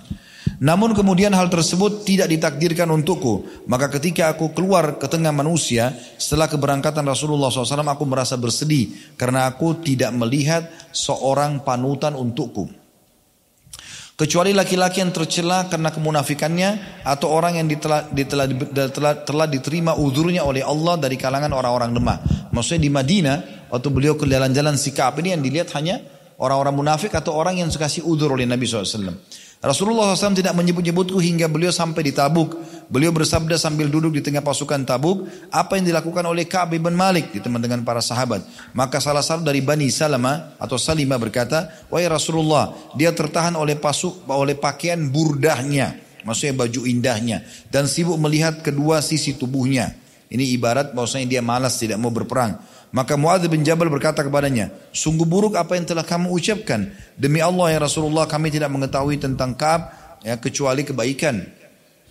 Maka Rasulullah SAW diam. Tak kala beliau dalam keadaan seperti itu tiba-tiba beliau melihat dari kejauhan seorang laki-laki yang mengenakan pakaian putih dan terlihat bergerak terombang ambing oleh Fata Morgana. Maka Rasulullah SAW bersabda orang ini adalah Abu Haythama. Ternyata dia benar Abu Haytham al-Ansari, orang yang bersedekah dengan satu sak kurma ketika dicela oleh orang-orang munafik. Kab lalu berkata lagi, tak kalah sampai berita kepadaku bahwa Rasulullah SAW telah pulang dari Tabuk, kesedihanku datang lagi. Aku mulai mengingat dusta dan berkata, dengan apa aku bisa lolos dari kemurkaan beliau besok? Untuk hal itu, aku minta bantuan kepada semua orang yang cerdik pemikirannya dari keluargaku. Maka tak kala diberitahukan bahwa Rasulullah SAW telah mendekati Madinah, hilanglah dari diriku segala pikiran yang batil Hingga aku benar-benar mengetahui bahwa aku tidak akan selamat dari beliau dengan cara apa pun selamanya. Maka aku bertekad untuk bersikap jujur kepada beliau. Rasulullah SAW tiba pada keesokan harinya dan biasanya apabila pulang dari safar beliau memulai dengan masjid beliau melakukan sholat dua rakaat kemudian duduk di hadapan orang-orang ketika beliau melakukan demikian orang-orang yang tidak ikut perang mendatangi beliau untuk menjelaskan udurnya dan bersumpah di hadapan beliau mereka berjumlah 80 orang lebih. Maka beliau menerima lahir mereka, membaiat mereka dan memohonkan ampunan untuk mereka serta menyerahkan rahasia mereka kepada Allah SWT hingga aku datang. Tak kala aku mengucapkan salam, beliau tersenyum dengan senyuman orang yang marah. Kemudian beliau berkata, kemarilah. Aku datang berjalan hingga duduk di hadapan beliau. Beliau lalu berkata kepadaku, apa yang membuatmu tidak ikut serta? Bukankah kamu telah membeli kendaraanmu? Ka'ab berkata, aku berkata wahai Rasulullah, sesungguhnya saya demi Allah atau aku demi Allah seandainya duduk di hadapan orang selain anda dari penduduk Madinah atau penduduk dunia, maaf. Dunia pasti aku akan eh, pasti aku yakin aku akan lolos dari murkahnya dengan sebuah alasan karena aku telah diberi kemampuan untuk berdebat. Akan tapi demi Allah aku benar-benar mengetahui bahwa jika hari ini aku menceritakan kepada anda cerita dusta yang dengannya anda bisa merelakanku, tentu tidak lama Allah pasti menjadikan anda murka kepadaku. Dan apabila aku menceritakan kepada anda dengan cerita yang jujur, pasti anda murka karena aku murka padaku karenanya. Sesungguhnya dengan kejujuran ini saya atau aku berharap akibat yang baik dari Allah Subhanahu wa taala. Demi Allah, aku tidak memiliki uzur. Demi Allah, aku merasa tidak pernah sekuat dan sekaya daripada ketika aku absen dari perang Tabuk bersama anda. Ka'ab mengatakan maka Rasulullah SAW bersabda, adapun orang ini maka dia telah berkata jujur, berdirilah hingga Allah memberi keputusan tentangmu. Beberapa orang dari Bani Salamah berjalan mengikutiku, mereka mengatakan kepadaku, demi Allah kami tidak pernah mendapatimu berbuat dosa sebelum ini. Ternyata engkau tidak mampu mengajukan udur kepada Rasulullah SAW seperti udur yang diajukan oleh orang-orang lain yang absen. Padahal istighfar Rasulullah SAW untukmu telah cukup untuk menghapus dosamu. Ka'ab mengatakan, demi Allah, mereka terus mencelaku hingga aku ingin kembali kepada Rasulullah SAW untuk mendustakan diriku. Maksudnya bohong, mengatakan bahwasanya dia memang sakit atau yang lainnya. Kemudian aku katakan kepada mereka, apakah ada seseorang yang mengalami hal seperti ini bersamaku? Mereka menjawab, iya, ada dua orang yang mengalami hal ini sepertimu. Mereka mengatakan sama yang apa yang kamu katakan dan dijawab dengan jawaban yang sama yang diberikan kepadamu. Ka'ab mengatakan, aku bertanya siapa mereka? Maka mereka menjawab, Murarah bin Ar-Rabi Al-Amri dan Hilal bin Umayyah Al-Waqifi. Ka berkata ternyata mereka menyebutkan dua orang soleh yang telah ikut dalam perang Badar dan pada diri mereka ada keteladanan. Ka mengatakan maka aku pergi ketika mereka menyebutkan dua nama orang itu kepadaku. Rasulullah SAW melarang orang-orang untuk berbicara dengan kami bertiga dari sekian banyak orang-orang yang tidak ikut perang. Maka orang-orang pun menjauhi kami dan dia berkata atau berkata mereka berubah sikap kepada kami. Sehingga menurutku bumi ini telah berubah. Bumi ini bukan bumi yang aku kenal. Kami mengalami suasana seperti itu selama 50 malam. Adapun dua orang sahabatku maka mereka merasa minder dan berdiam diri di rumahnya sambil menangis. Kalau aku adalah karena termuda di antara mereka dan paling tegar, aku keluar rumah menghadiri sholat berjamaah bersama kaum muslimin dan berkeliling di pasar. Namun tidak seorang pun yang sudi berbicara denganku. Aku mendatangi Rasulullah SAW dan mengucapkan salam kepada beliau ketika beliau berada di majlisnya setelah sholat. Maka aku berkata dalam hati, apakah beliau menggerakkan kedua bibirnya untuk menjawab salamku atau tidak. Kemudian aku sholat di dekat beliau dan aku mencuri pandang kepada beliau. Dan apabila aku sudah mulai sholat, beliau memandangku. Apabila aku menoleh kepada beliau, maka beliau memalingkan wajahnya dariku. Hingga ketika isolasi kaum muslimin terhadapku telah berlangsung lama, aku berjalan hingga aku memanjat tembok kebun Abu Qatada. Dia adalah putra pamanku atau sepupuku dan orang yang paling aku cintai. Aku mengucapkan salam kepadanya, tapi demi Allah dia tidak menjawab salamku. Maka aku berkata kepadanya, wahai Abu Qatada, aku bertanya kepadamu dengan nama Allah, apakah engkau mengetahui bahwasanya aku mencintai Allah dan Rasulnya? Tanda tanya. Maka dia pun diam. Lalu aku ulangi lagi dan aku bertanya kepadanya dengan bersumpah, namun dia tetap diam. Kemudian aku ulangi lagi, aku bertanya kepadanya dengan bersumpah, maka dia berkata Allah dan Rasul yang lebih mengetahui. Maka kedua mataku berlinang air mata. Aku pun segera berbalik pergi hingga aku memanjat tembok. Tak kala aku berjalan di pasar Madinah, tiba-tiba seorang petani dari petani penduduk Syam yang datang untuk menjual makanan di Madinah berkata, siapa yang bisa menunjukkan kepadaku Ka'ab bin Malik? Maka orang-orang langsung menunjukkannya kepadaku. Hingga dia mendatangiku lalu menyodorkan kepadaku sepucuk surat dari Raja Gassan. Gassan ini sebuah wilayah yang besar yang di situ pada saat itu ada raja yang membenci kaum muslimin gitu kan. Dan aku adalah orang yang paling pandai menulis atau membaca. Dan aku baca surat yang isinya, amma ba'd, sesungguhnya setelahnya, sesungguhnya telah sampai kepada kami bahwa sahabatmu, maksudnya Nabi Muhammad SAW, telah mencampakkanmu. Padahal Allah tidak menjadikanmu berada di negeri Hindi atau Hind, di negeri Hind, maksudnya di negeri yang ada, dan tersia-siakan. Bergabunglah bersama kami, kami akan pasti menghormatimu. Ketika aku membacanya aku berkata ini juga bagian dari cobaan. Maka aku menuju ke tungku dan membakar surat tadi. Hingga tak kala telah berlalu 40 atau 50 hari dan wahyu tidak kunjung turun juga. Utusan Allah uh, utusan, utusan Rasulullah SAW mendatangiku dan berkata, sesungguhnya Rasulullah SAW memerintahkanmu agar menjauhi istrimu. Setelah 40 atau 50 hari tidak boleh lagi berkumpul sama istrinya. Maka Ka'ab berkata, apakah aku harus menceraikannya atau harus apa atau apa yang harus aku perbuat? Maka orang itu mengatakan tidak. Tapi jauhi saja dia dan jangan mendekatinya. Maksudnya jangan digauli. Dan beliau mengutus kepada kedua sahabatku dengan pesan serupa. Maka aku katakan kepada istriku, pulanglah ke rumah keluargamu. Tinggallah bersama mereka hingga Allah memutuskan perkara ini. Maka istri Hilal bin Umayyah, tadi salah satu dari tiga orang ini, temannya Kaab, yang juga sama di boykot, mendatangi Rasulullah SAW. Istrinya datang dan berkata kepada beliau, Wahai Rasulullah, sesungguhnya Hilal bin Umayyah adalah orang tua yang tidak bisa melayani dirinya sendiri. Dan dia tidak memiliki pembantu. Apakah anda keberatan apabila saya melayaninya? Beliau menjawab, tidak. tapi jangan sampai dia mendekatimu. Maka dia berkata demi Allah sungguhnya tidak ada lagi padanya keinginan kepada apa pun. Dan demi Allah dia terus menerus menangis semenjak hari itu hingga hari ini. Maka sebagian keluargaku berkata kepadaku, bagaimana kalau seandainya engkau meminta izin kepada Rasulullah SAW tentang istrimu ketika eh, karena beliau telah mengizinkan istri Hilal bin Umayyah untuk melayaninya. Maksudnya keluarga daripada Kaab datang kepada Kaab mengatakan coba minta ya. Coba minta kepada Rasulullah SAW untuk memaaf untuk mengizinkan istrimu melayanimu. Maka aku jawab aku tidak akan meminta izin kepada Rasulullah SAW tentang istriku. Siapa yang tahu apa yang akan dikatakan oleh Rasulullah SAW jika aku meminta izin kepada beliau tentang istriku. Karena aku adalah laki-laki yang masih muda. Maka aku tetap menjalani hidup seperti itu selama 10 malam. Uh, hingga genaplah bagi kami 50 malam semenjak diberlakukan larangan berbicara dengan kami. Kemudian aku sholat subuh pada hari yang ke-50 di atas atap salah satu rumah kami. Ketika aku sedang duduk dalam keadaan yang telah disebutkan oleh Allah SWT tentang kami. Sementara jiwaku yang terasa sempit dan bumi pun telah, telah merasa sempit, telah menjadi sempit bagiku. Padahal bumi itu sangat luas. Tiba-tiba aku mendengar suara orang yang teriak-teriak dengan keras.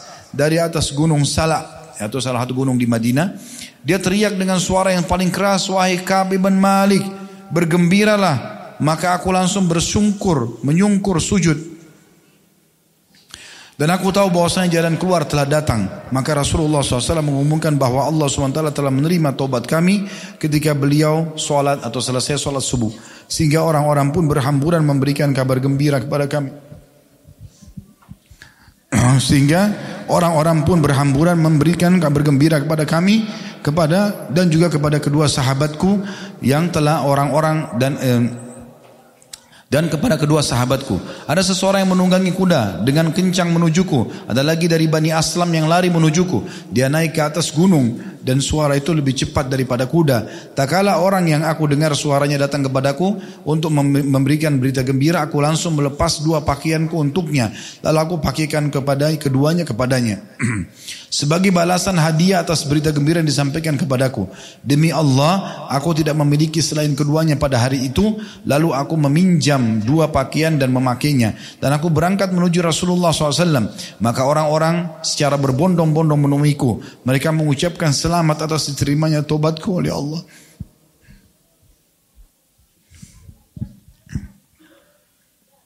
Mereka mengucapkan kepadaku semoga penerimaan Allah atas tobat selam, selamat atas penerimaan tobat Allah, penerimaan Allah atas tobatmu. Hingga aku masuk masjid, ternyata Rasulullah SAW sedang duduk dikerumuni oleh orang-orang. Maka Tolha bin Ubaidillah berjalan cepat, setengah berlari hingga menjabat tanganku dan mengucapkan selamat kepadaku. Demi Allah tidak ada seorang pun dari kaum muhajirin yang berdiri selain beliau. Dan Kaab tidak pernah melupakan perbuatan Tolha tersebut. Khalid berkata, ketika aku mengucapkan salam kepada Rasulullah SAW, beliau bersabda dengan wajah yang berseri-seri karena gembira. Bergembiralah dengan hari terbaik yang pernah melewati hidupmu semenjak kamu dilahirkan oleh ibumu. Aku bertanya, apakah dari anda wahai Rasulullah atau dari Allah? Maka beliau menjawab tidak, akan tetapi dari Allah secara langsung. Apabila Rasulullah SAW bergembira, kata beliau, wajahnya bersinar seolah-olah wajah beliau adalah sepotong rembulan dan kami mengetahui hal itu dari beliau. Maka tak kalah aku duduk di hadapan beliau aku berkata wahai Rasulullah sesungguhnya di antara tobatku adalah aku akan mengeluarkan hartaku sebagai sedekah kepada Allah dan Rasulnya. Maka Rasulullah SAW bersabda tahanlah sebagian hartamu karena itu lebih baik untukmu. Maka aku berkata sesungguhnya aku menahan sebagian yang ada di Khaybar. Dan aku berkata wahai Rasulullah, sesungguhnya Allah telah menyelamatkanku karena kejujuran dan sebagai bukti kebenaran taubatku, aku tidak akan berbicara melainkan dengan jujur selama aku masih hidup. Maka demi Allah, kata Ka'ab, aku tidak mengetahui seorang pun dari kaum muslimin yang diberi nikmat dari Allah dalam kejujuran ucapan semenjak aku katakan hal itu kepada Rasulullah SAW yang lebih baik daripada apa yang telah dianugerahkan oleh Allah kepadaku. Demi Allah, aku tidak pernah sengaja Aku tidak pernah sengaja sekalipun untuk berdusta. Semenjak hal itu aku katakan kepada Rasulullah SAW sampai hari ini. Dan aku benar-benar berharap kepada Allah SWT agar menjagaku dalam sisa hidupku ini. Terakhir Ka'ab mengatakan, maka Allah menurunkan firman-Nya yang artinya sungguhnya Allah telah menerima taubat Nabi, orang-orang muhajirin dan orang-orang ansar yang mengikuti Nabi dalam masa kesulitan. Sampai firman Allah sungguhnya Allah Maha Pengasih lagi Maha Penyayang kepada mereka dan terhadap tiga orang yang ditangguhkan penerimaan taubat mereka. Hingga apabila bumi telah menjadi sempit bagi mereka padahal bumi itu luas sampai firman Allah bertakwalah kepada Allah dan hendaklah kalian bersama dengan orang-orang yang jujur surah At-Taubah surah nomor 9 ayat 117 sampai 119. Kata Kaab demi Allah, Allah tidak memberikan sebuah nikmat kepadaku yang lebih agung dalam jiwaku setelah Allah memberikan hidayah Islam kepadaku daripada sikap jujurku kepada Rasulullah sallallahu alaihi wasallam yaitu aku tidak berdusta kepada beliau sehingga aku binasa sebagaimana orang-orang yang berdusta telah binasa.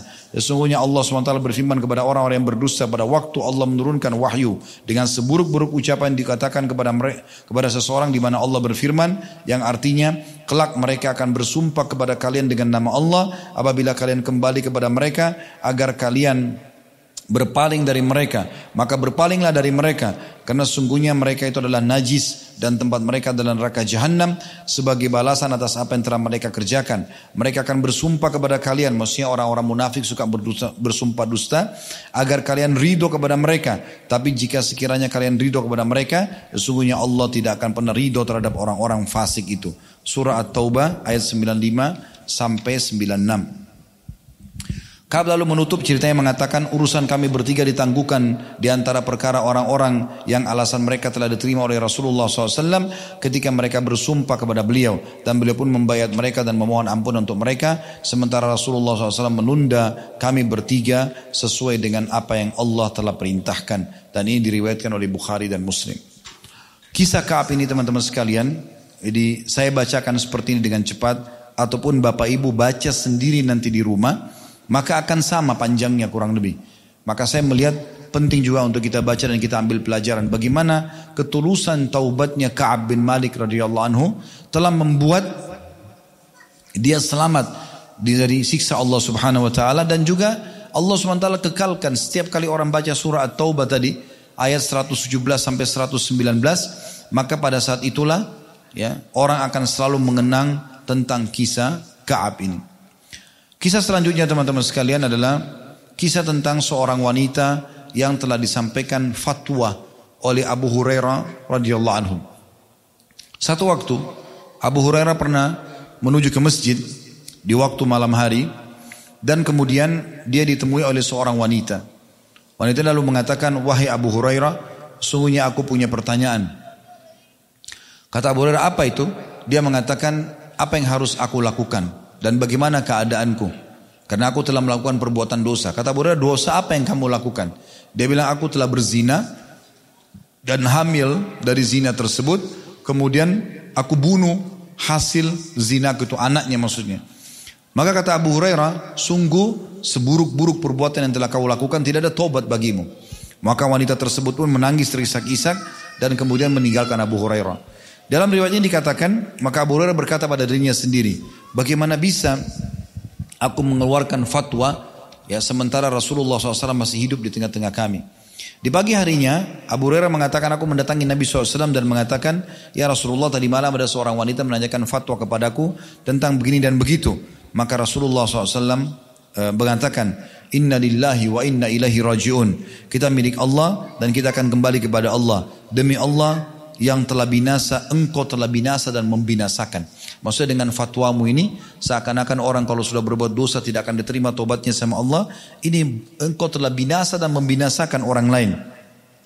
Di mana kau dari firman Allah Subhanahu wa taala dalam surah Furqan ayat 68 sampai 70 yang artinya dan orang yang tidak mempersekutukan Allah dengan sembahan lain dan tidak membunuh yang diharamkan Allah kecuali dengan alasan yang benar dan tidak berzina dan barang siapa yang melakukan demikian itu niscaya mendapatkan hukuman yang berat hingga sampai firman Allah SWT maka kejahatan mereka akan diganti Allah dengan kebaikan dan Allah Maha Pengampun lagi Maha Penyayang.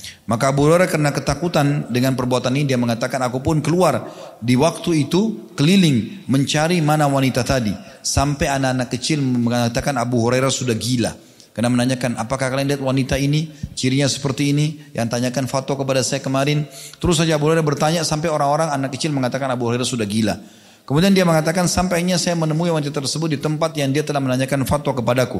Lalu aku pun akhirnya menyampaikan apa yang telah disampaikan Nabi SAW kalau taubatnya akan diterima. Maka tiba-tiba wanita tersebut pun berteriak dengan suara keras sambil karena gembiranya dan bertakbir ya memohon kepada Allah SWT agar tobatnya diterima dan dia mengatakan aku akan menyedekahkan kebunku yang aku berikan kepada orang-orang miskin karena dosaku ini.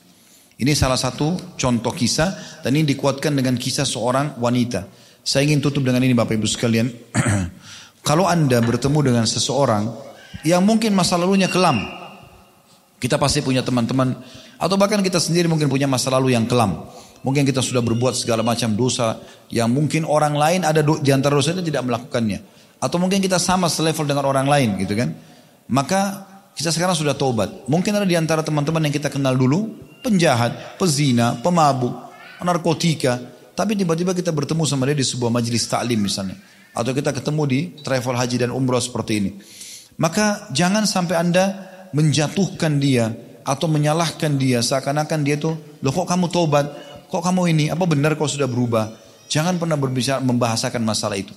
Karena bisa saja taubatnya dia mengalahkan taubat kita. Seburuk apa pun perbuatan dia. Walaupun dia baru taubat beberapa saat saja sebelumnya. Ini penting sekali. Karena pernah, ini sebagai penutup, ada seorang wanita di masa Nabi SAW berzina. Statusnya ini luar biasa. Dia seorang istri. Ya, kemudian dia berzina, hamil dari perzinahan tersebut. Maka karena takutnya dengan dosanya dia datang kepada Nabi SAW lalu mengatakan, Ya Rasulullah, saya telah berzina, saya ketakutan Allah hukum. Coba ya, rajam saja saya. Karena orang yang sudah menikah dirajam kalau sudah berzina atau lagi ber, sudah berzina dan kepergok gitu. Apalagi kalau dia juga buat pengakuan ya. Maka kata Nabi SAW, kalau kamu lagi hamil sekarang, anak yang dikandung ini punya hak. Kamu berzina tapi dia tidak salah. Maka tunggulah sampai engkau melahirkan. Wanita ini menunggu selama 9 bulan. Dia terus dihantui dengan rasa takutnya. Dia ketakutan, maka dia terus bertobat kepada Allah Subhanahu wa taala sampai melahirkan. Setelah melahirkan lewat sembilan bulan, dia masih datang kepada Nabi SAW dan mengatakan, Ya Rasulullah, sesungguhnya saya sudah selesai menjalankan apa yang anda perintahkan. Sudah melahirkan bayi ini. Rajam saya. Saya ingin disucikan. Ya, ini berarti betul-betul orang tobat nasuha ya. Karena orang tobat nasuha itu teman-teman sekalian merasa dosa itu selalu dia takut kalau Allah hukum. Maka dia mengatakan hukum saya Rasulullah. Kata Nabi SAW, Sesungguhnya bayi yang kamu baru lahirkan punya hak untuk disusuin selama dua tahun. Susuilah. Maka disusuilah selama dua tahun. Setelah dua tahun, jadi sudah dua tahun sembilan bulan berlalu dari masa itu, masih saja berkecamuk dalam hatinya rasa takut Allah hukum. Dan ini menandakan iman yang luar biasa. Maka datang para Nabi SAW mengatakan, Ya Rasulullah, anak ini sudah saya berikan hak susunya. Bersihkan saya, sucikan saya, rajam. Maka Nabi SAW suruh ikat, kuatkan kain bajunya lalu dilempari batu. Dirajam pada saat itu. Waktu dirajam ada seorang sahabat teriak mengatakan, semoga Allah melaknatmu. Maksudnya, kenapa kamu sudah menikah berzina? Dilaknat gitu kan. Maka kata Nabi SAW, jangan kau laknat dia. Karena sungguhnya dia telah taubat. Kalau dibagikan kepada 70 orang penduduk Madinah dengan dosa yang sama, maka akan cukup bagi mereka. Walaupun cuma satu orang ini yang taubat, karena tulusnya kepada Allah subhanahu wa ta'ala, maka Allah akan menerima kalau itu dibagi kepada 70 orang pezina yang sama dengan dia. Oleh karena itu teman-teman sekalian, jangan pernah olok-olok teman-teman yang baru taubat, pasangan hidup mungkin yang baru hijrah, anak-anak yang baru mau mengenal ajaran Islam, mau ke masjid. Semangati mereka, dukung mereka, rangkul mereka, supaya mereka ya kita supaya mereka benar jalan Allah berada dan istiqomah dan kita pun panen-panen dibandingkan kita mengolok-olok mereka bahkan bisa saja kita masuk dalam hadis Bukhari di mana Nabi SAW mengatakan Allah berfirman kepada dua orang di masa Nabi SAW yang satu soleh yang satu ahli maksiat yang orang soleh ini selalu menasihatin yang ahli maksiat tobatlah tobatlah tobatlah ternyata yang ahli maksiat tidak mau tobat tunda-tunda tobatnya sampai yang ahli ibadah ini jengkel dia bilang apa Allah tidak akan ampuni kamu. Ini bahasanya, Allah tidak akan ampuni kamu. Jadi dia marah, semoga Allah tidak atau Allah tidak akan ampuni kamu. Maka Allah SWT berfirman mengatakan, siapa orang ini? Berani-beraninya melampaui keputusanku. Sesungguhnya ketahuilah kata Nabi SAW Allah berfirman Aku telah maafkan kesalahan orang yang buat dosa itu Dan justru aku hancurkan amalan orang-orang yang soleh tadi Jadi teman-teman hati-hati. Kita taubat nasuha, tulus menyelamatkan diri kita dan dukung semua lingkungan kita yang mau bertobat. Sama-sama kita pernah berbuat dosa dan tidak mungkin ada manusia tidak berbuat dosa dimulai dari ayah kita Adam alaihissalam. Beliau berbuat dosa, tapi beliau kembali ke jalan Allah subhanahu wa ta'ala. Dan Nabi SAW mengatakan sebagai penutup, semua anak Adam pasti berbuat dosa. Tapi sebaik-baik mereka adalah yang segera bertaubat kepada Allah subhanahu wa ta'ala. Tapi ingat, taubatnya yang nasuha, dan benar-benar kita sisa umur diisi dengan istiqomah, hijrah yang sepenuhnya dan insya Allah mudah-mudahan kita meninggal di atas istiqomah itu sehingga maksimal bisa mendapatkan balasan pahala di sisi Allah subhanahu wa ta'ala. Baik teman-teman sekalian, kita berharap Allah subhanahu wa ta'ala memberkahi majlis kita. Dan jika sebagai majlis yang penuh dengan berkah, ilmu yang bermanfaat, keikhlasan dan juga diterima sebagai pahala yang sempurna. Dan semoga Allah Subhanahu wa taala menjadikan kita semua bersatu di surga firdausnya tanpa hisab mana disatukan dalam majlis ilmu yang mulia ini. Kalau benar dari Allah ada salah dari saya mohon dimaafkan.